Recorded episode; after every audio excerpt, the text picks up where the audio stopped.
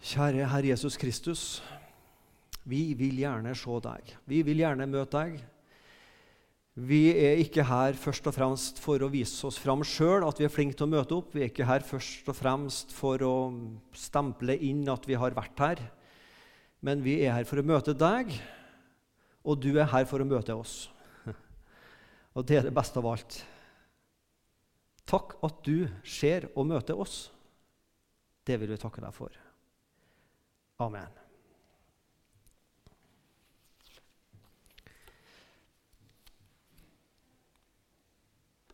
Palmesøndag, denne dagen som markerer starten på påskeuka,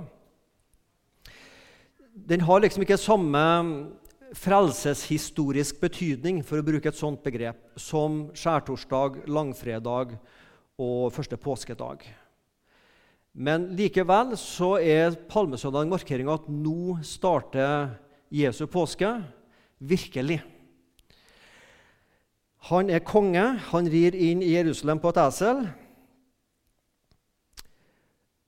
Og Vi skal lese sammen det som er søndagens tekst, som er fra Johannes 12, vers 12-24. Dagen etter, det var altså dagen etter han har blitt salva, fikk den store folkemengden som var kommet til høytiden, høre at Jesus var på vei til Jerusalem. Da tok de palmegrener og gikk ut for å møte ham, og de ropte, Hosianna, velsignet være Han som kommer i Herrens navn, Israels konge. Men Jesus fant et ungt esel og satte seg på det, som det står skrevet i Zakaria. Frykt ikke, Sions datter, se din konge kommer sittende på en eselfole. Dette skjønte ikke disiplene hans fra først av, men da Jesus var blitt herliggjort, da mintes de at dette var skrevet om ham, og at de hadde gjort dette for ham. Folkeskaren som hadde vært med ham da han kalte Lasarus ut av graven og reiste ham opp fra de døde, vitnet om det. Dette var også grunnen til at folket gikk ham i møte, fordi de hadde hørt at han hadde gjort dette tegnet. Fariseerne sa da seg imellom.: Der ser dere at, ikke, at, dere ikke oppnår noe. Se, all verden løper etter ham. Var ikke det flott? Hele verden sprenger etter Jesus. Gid det ha vært sånn i dag. Det sto ikke i teksten, men jeg leste inn. Blant dem som pleide å dra opp for å tilbe under høytiden, var det noen grekere. Disse kom da til Philip, altså en av disiplene, som var fra Betzaida i Galilea, og ba ham og sa, 'Herre, vi vil gjerne se Jesus.' Philip kommer og sier det til Andreas, en annen disippel, og Andreas og Philip går sammen og sier det til Jesus. Men Jesus svarer dem og sier, 'Timen er kommet da menneskesønnen skal bli herliggjort.' Sannelig, sannelig, sier jeg dere, hvis ikke hvetekornet faller i jorden og dør, blir det bare det ene kornet. Men hvis det dør, så bærer det mye frukt. God gang. Hva skjer? Jesus er på vei inn i byen. Den store folkemengden samler seg. De hadde jo hørt at her hadde skjedd store ting. Også tilreisende som ikke hadde hørt så mye om Jesus før, hadde jo fått med seg at en mann som har ligget tre dager i grava, kommer ut levende. Jeg mener, Hadde det skjedd her i Sandnes òg, så tror jeg nok, og vi visste hvem det var, at vi hadde nok prøvd å få sett denne mannen eller dama som eventuelt gjorde dette store underet. Hvis det hadde skjedd i vår tid. Ja. Så det er klart folk stimla om hvem er denne personen. Og mange hadde jo hørt mye om Jesus, selvfølgelig, eh, før de var i der. Men også mange tilreisende tenkte nå skjer det noe. Profeten, undergjøreren fra Nasaret, Kapernaum, han, han, er nå her i Jerusalem. Stemninga og spenninga er jo til å ta og føle på. Palmesøndag møter vi mange mennesker med ulik agenda. Møter en folkemengde, en til dels stor folkemengde, som vil være der det skjer noe. Jesus er i vår by. Nå blir det liv og røre. Her må vi være. Fariseerne møter vi, de som frykter Jesus. Hele verden løper etter Jesus. Ja, de frykta det. Vi lengter etter det. Vi møter noen grekere som gjerne vil se Jesus. Og vi møter disippelen Philip og Andreas, som da får dette oppdraget å, å hjelpe disse grekerne til å møte Jesus. Og så møter vi Jesus sjøl, som veldig gjerne vil fortelle om sin egen død, som skal skje om noen dager. Men han gjør det jo litt på en rar måte. De spør om å få møte Jesus, og så svarer Jesus noe med hvetekornet som legges i jorda og dør. Og ja, vi har et uttrykk på norsk som heter 'God dag, mann økseskaftsvar'. Og egentlig føles det litt som det. Hva er det Jesus egentlig svarer? Vi som leser i ettertid, vi skjønner nok mer av det fordi vi har hele historien. Men jeg tror for mange av dem som hørte på, hva er det Jesus sier egentlig? Hva er det han er ute etter for noe? Vi møter mange mennesker denne dagen. Og så møter vi dette Hosianna-ropet, som er hebraisk og betyr 'frels nå'. Vi sier jo hurra 17. mai, men et mye sterkere uttrykk Hosianna. Det er ikke bare et eh, dvast hurra, liksom. Det er mye sterkere, og det er fra Salme 118, vers 24 26. Dette er dagen som Herren har gjort. La oss fryde oss og glede oss på den. Å Herre, frels. Der står det altså Hosianna. Å Herre, la det lykkes. Velsignet være Han som kommer i Herrens navn. Vi velsigner dere fra Herrens hus. Og Det er dette disse står og roper, disse barna, disse voksne, disse eldre. Folkemengden roper dette Hosianna. Og mange hadde jo lest Gammeltestamentet, eller det som var datidens bibel. Så de kunne Zakaria 9,9. Det var liksom ikke bare at vi finner på noe og roper noe. Hos mange så var det en dypt følt Og de kjente ordet at 'dette er mitt', og 'dette vil jeg hylle Jesus for'. Hosianna, Hosianna. Disse som ropte Hosianna, som da er ganske mange det står det at en stor folkemengde var i Jerusalem. Jeg har lest, og nå får jeg lene meg på folk som vet mer enn meg, og det er jo godt å gjøre, at på den tida bodde det kanskje rundt 100 000 mennesker i Jerusalem. Men i påskehøytida var det kanskje en plass mellom 1 og 1,5 million pilegrimer som kom til Jerusalem. Du har litt, sånn, litt mindre format enkelte sørlandsbyer som blir invadert om sommeren vet du, og øker folketallet sitt noe voldsomt. Men, men altså, Jerusalem øka jo folketallet sitt noe enormt. Så det kunne være altså, på hundretusenvis av mennesker som var der og ropte, kanskje Hosianna. Men jeg har stilt meg det spørsmålet mente de det de ropte. Forsto de hva de egentlig ropte for noe? Var det bare en ytre tilbedelse uten et hjerte som egentlig elska Jesus? Et rop om frelse uten å kjenne syndene i sitt eget hjerte? Skjønte de egentlig hva de ropte, og skjønte de egentlig hva som virkelig skjedde denne dagen? Og Det kan det være ulike svar på. Det kan være noen som virkelig mente av et helt oppriktig hjerte. Og det kan være folk som bare var med på ropet fordi at naboen ropte, så roper jeg også det uten å skjønne egentlig hva man ropte. Hosianna betyr 'frels nå'. Og i Hosianna ligger det en dobbelthet. Det ligger en tilbedelse, og det ligger en bønn. Det ligger en bønn om 'Herre, frels meg nå'. Og så ligger det et hosianna-rop, en tilbedelse om Han som er frelseren. Og det er fint når folk roper hosianna. Men jeg tror før vi roper hosianna som tilbedelse, så trenger vi å rope hosianna som bønn. Før min begeistring for Jesus så trenger jeg å bøye mine kne i bot for Jesus og bekjenne mine synder. Hva var det folk trengte?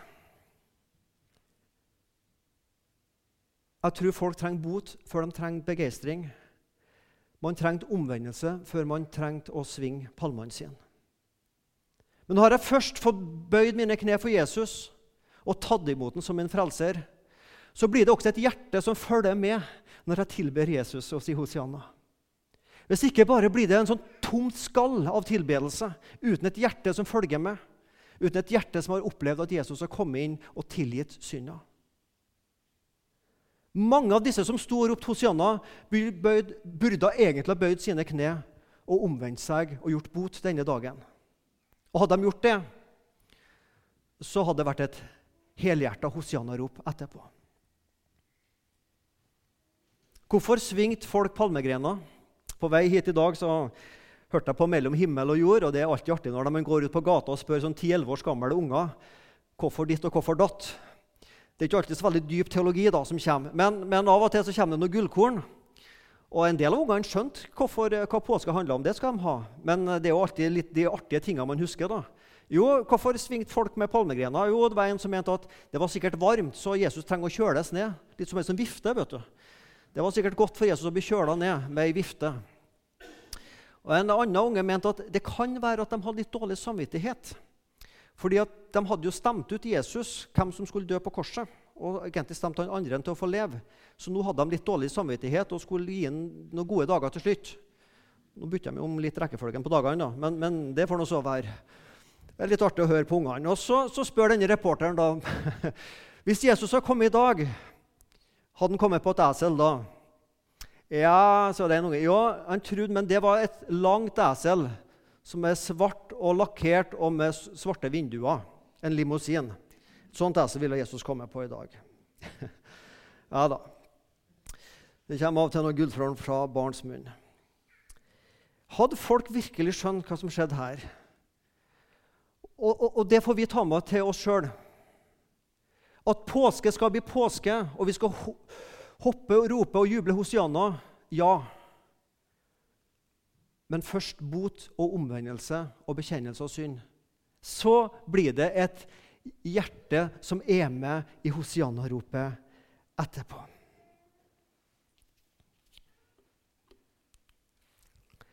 Noen grekere kom da til Philip, som var fra Betsaida i Galilea, og ba ham også, 'Herre, vi vil gjerne se, eller gjerne møte Jesus.' Og mange som ville møte Jesus. Det var folket, det var den store folkemengden, og det var noen grekere. Vi deler gjerne verden inn ofte litt sånne kategorier. Altså, og Én kategori er kristne og ikke-kristne. Og Fra Guds perspektiv så er jo det en grei inndeling. Noen kjenner Jesus, og noen kjenner ikke Jesus. Men så tror jeg vi også kan dele inn både vi som kjenner Jesus i ulike grupper, og den som ikke kjenner Jesus. Jeg håper at vi som sitter her, og det tror jeg, vi er blant de kristne som gjerne vil se og møte Jesus, ha mer av, være mer sammen med, bli bedre kjent. Og vi gjør noe med det. Vi lytter til Hans ord, vi leser vår bibel, vi ber, vi vil være Guds folke, for vi vil ha mer av Jesus og kjenne Han. Og så fins det nok også kristne, dessverre. Ikke dessverre at de er kristne, men dessverre fins det kristne som, som, på en måte lever på et sånt minimum. Jeg snakka med et sånt menneske for en stund siden. Vi satt og snakka om ulike ting, og så spurte jeg litt om her. ja, Kristen, går det på møter? Nei, ikke så ofte. Jeg var på et møte for en par måneder siden, og nå har jeg fått påfyll, og det holder jo for en stund. Og ja, det vi får av Gud, det en stund, det. Heldigvis, og takk og lov for det. Men så merker jeg at her er det et, et menneske som tenker Hvor lite kan jeg klare meg med? ja. Men jeg vil være en kristen som ønsker å se Jesus. Det er ikke alltid jeg tenker på Jesus med en gang jeg våkner om morgenen i senga. Jesus, yes, yes, jeg må ha mer av Jesus. Mer tenker jeg å komme meg på badet og stelle meg og ordne meg med, og få frokost. Men denne ønsket og drivkraften i oss Jeg vil gjerne ha mer av deg, Jesus, og være med deg. Jeg ønsker å være en sånn kristen, og jeg tror og håper at du også vil være en sånn kristen. Blant ikke-kristne kan vi også tenke at det er ulike grupper. Det fins ikke-kristne som veldig gjerne ikke vil se Jesus, som helst vil bli kvitt ham. Ha han ut av det offentlige rom, skole og barnehage. Minst mulig Jesus og kristentro. Folk må gjerne tro, men du må holde troa for deg sjøl. Ei privat tro er grei, men ikke lag noe offentlig ut av det. Dem fins det, vet vi. Jeg skal ikke sette navn på noe her nå, men bare som en type. Så fins det ikke-kristne som er likegyldige til om man får ha med Jesus å gjøre. Man er så lunken. Ja, Jesus, jeg har ikke imot ham, men jeg har iallfall ikke noe behov for ham. Så fins det ikke-kristne for det tredje som er søkende og spørrende og er genuint interessert og vite mer om Jesus og møte han. Jeg skal komme litt tilbake til det. Men jeg skal først nevne den fjerde gruppa. Og Det er dem som ikke har mulighet til å møte og se Jesus. De som ikke vet om han. Jesus? Nei, jeg tror ikke han bor i blokka vår. Altså. Har ikke hørt det navnet i landsbyen vår. Helt ukjent. Sikker på at du kommer rett plass. Har rett navn. Og de fins. Helt ukjent med Jesus. Jeg måtte gå hjem og lete i bokhylla mi. og Jeg fant den boka her i tre ulike eksemplar. Ei fra 1950-60-tallet, ei fra 80-tallet når jeg var ung, og ei fra 2000-tallet når barna mine var unge. Og det er den heftet her. De venter.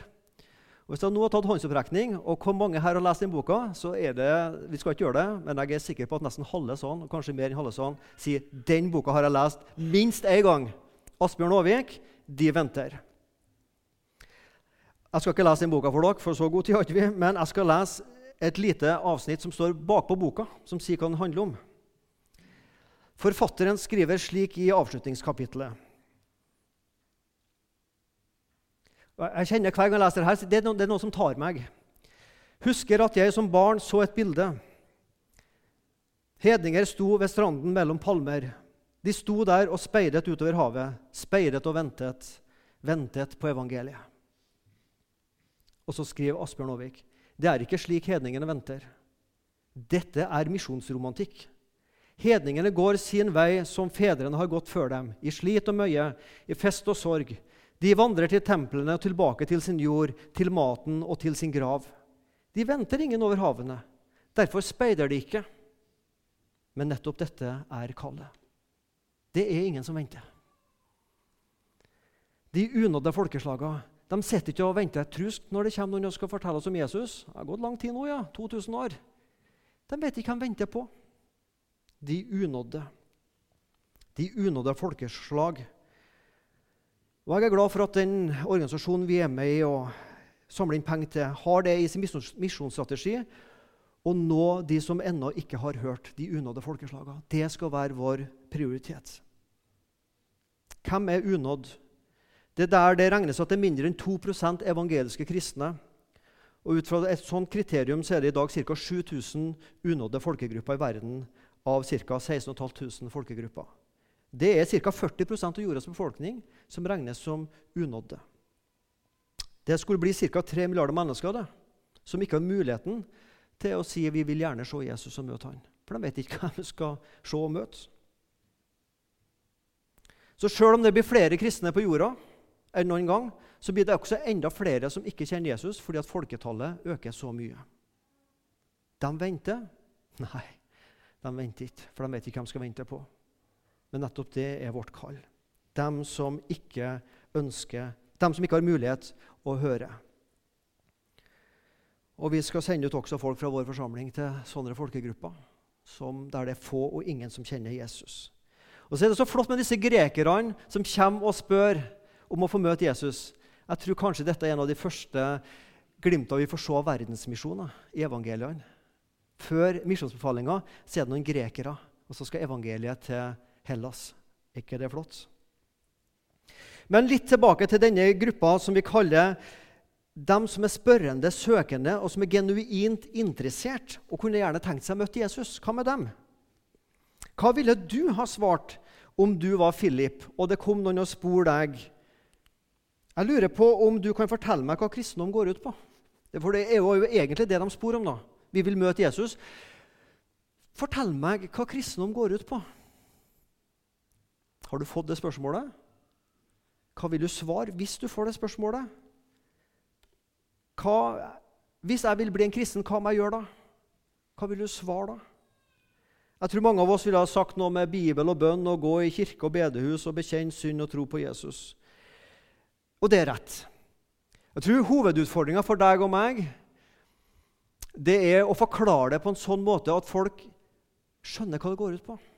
At det ikke høres ut som vi er en telefonselger som bare leser opp noe som er ferdigskrevet. Du hører det når det ringer noen og begynner å, å snakke på telefonen. Du vet at nå leser de opp noe som ikke er personlig. Det å formidle troa og det vi eier i Jesus, sånn at folk som spør og er søkende, opplever at faktisk den som jeg spør, han eller hun mener det den sier. Jeg tror det er utfordringa for mange av oss. Jeg lurer på om du kan fortelle meg hva kristendom går ut på? Skal vi ha det som en litt sånn felles lekse denne påska? At vi øver oss litt på det? Hva ville vi svart da? For en dag så får du spørsmålet, Og da har du ammunisjon klar.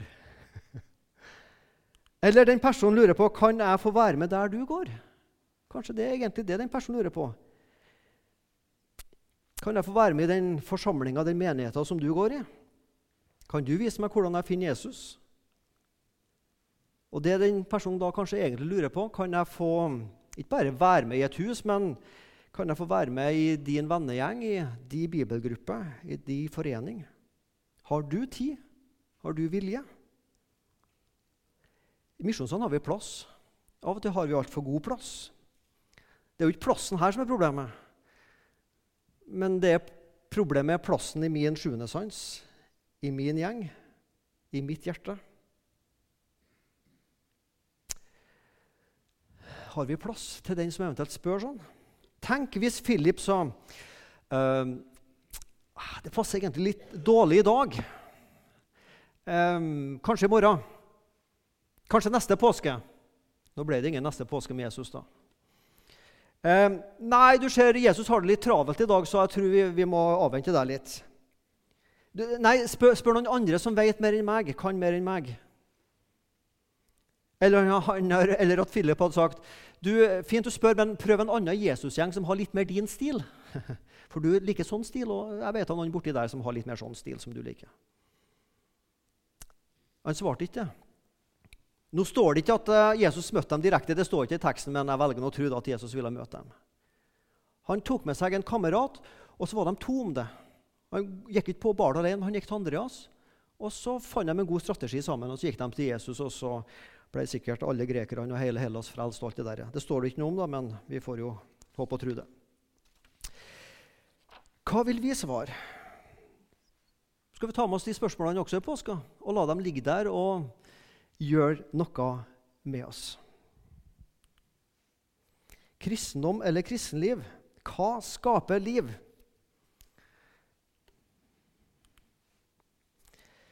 Hvordan fungerer det i biologiens verden?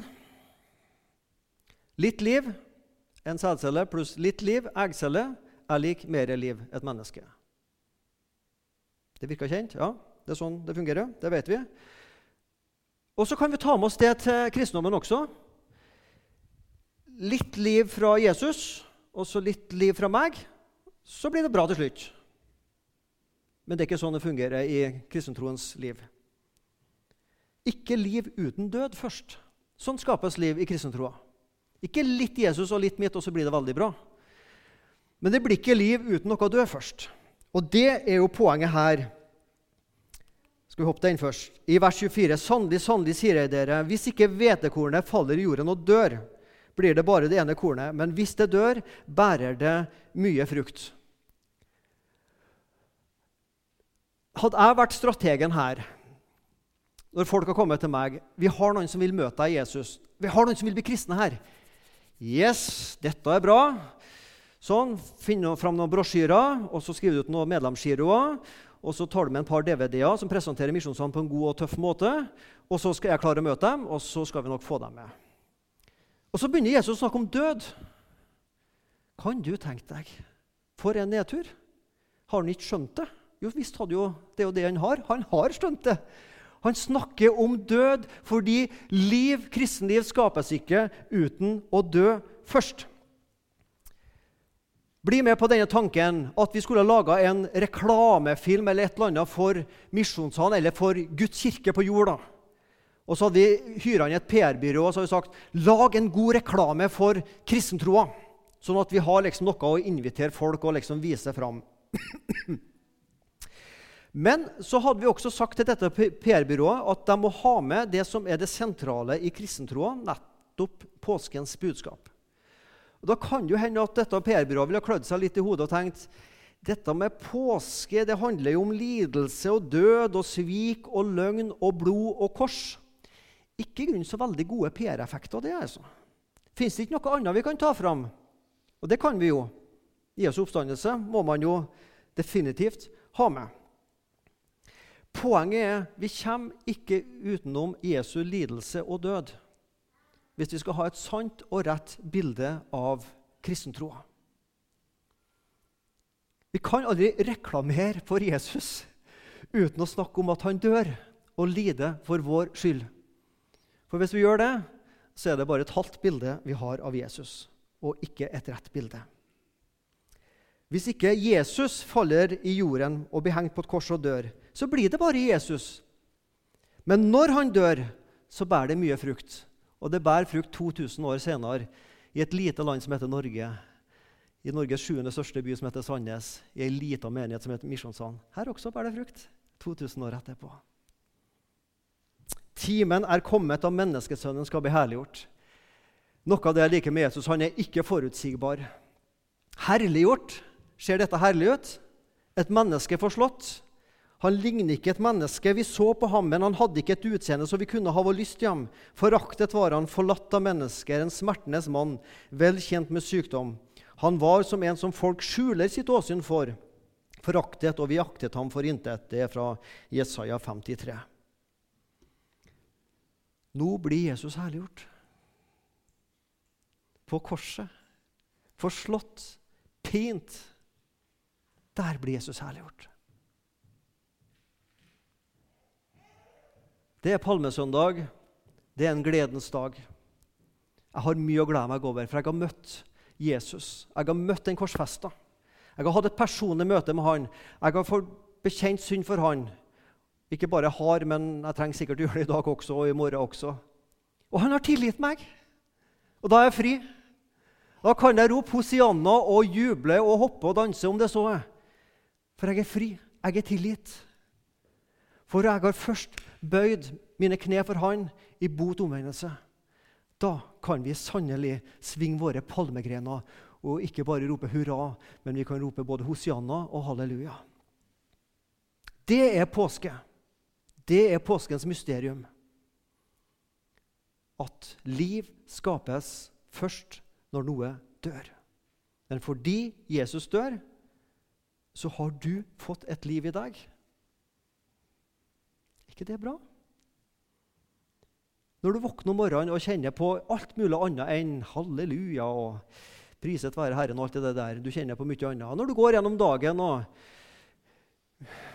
vi ser på hverandres trøtte tryner og irriterer hverandre og knuffer litt borti hverandre. og ene med det andre. Så kjenner jeg Jesus. Så er jeg tilgitt. Så bor han i hjertet, og så er det et nytt liv der. Det er ikke grunn til å si et lite halleluja. Iallfall litt sånn bitte, bitte lite et. Amen, ja. Amen. Skal vi takke Jesus for at han har skapt liv for oss? Kjære Jesus. Takk for det svaret du ga, som virka helt sånn rart. Det var ikke rart, men det var, det var sentrum i kristentroa. Herre Jesus, jeg vil hylle deg og vil tilbe deg, jeg vil prise deg, jeg vil elske deg. Jeg vil ja, skulle gjort det mer òg, Jesus, enn det jeg klarer. Herre, la meg alltid se grunn for å tilbe og juble deg. Jeg har fått mine synder tilgitt. Jeg har blitt et Guds barn.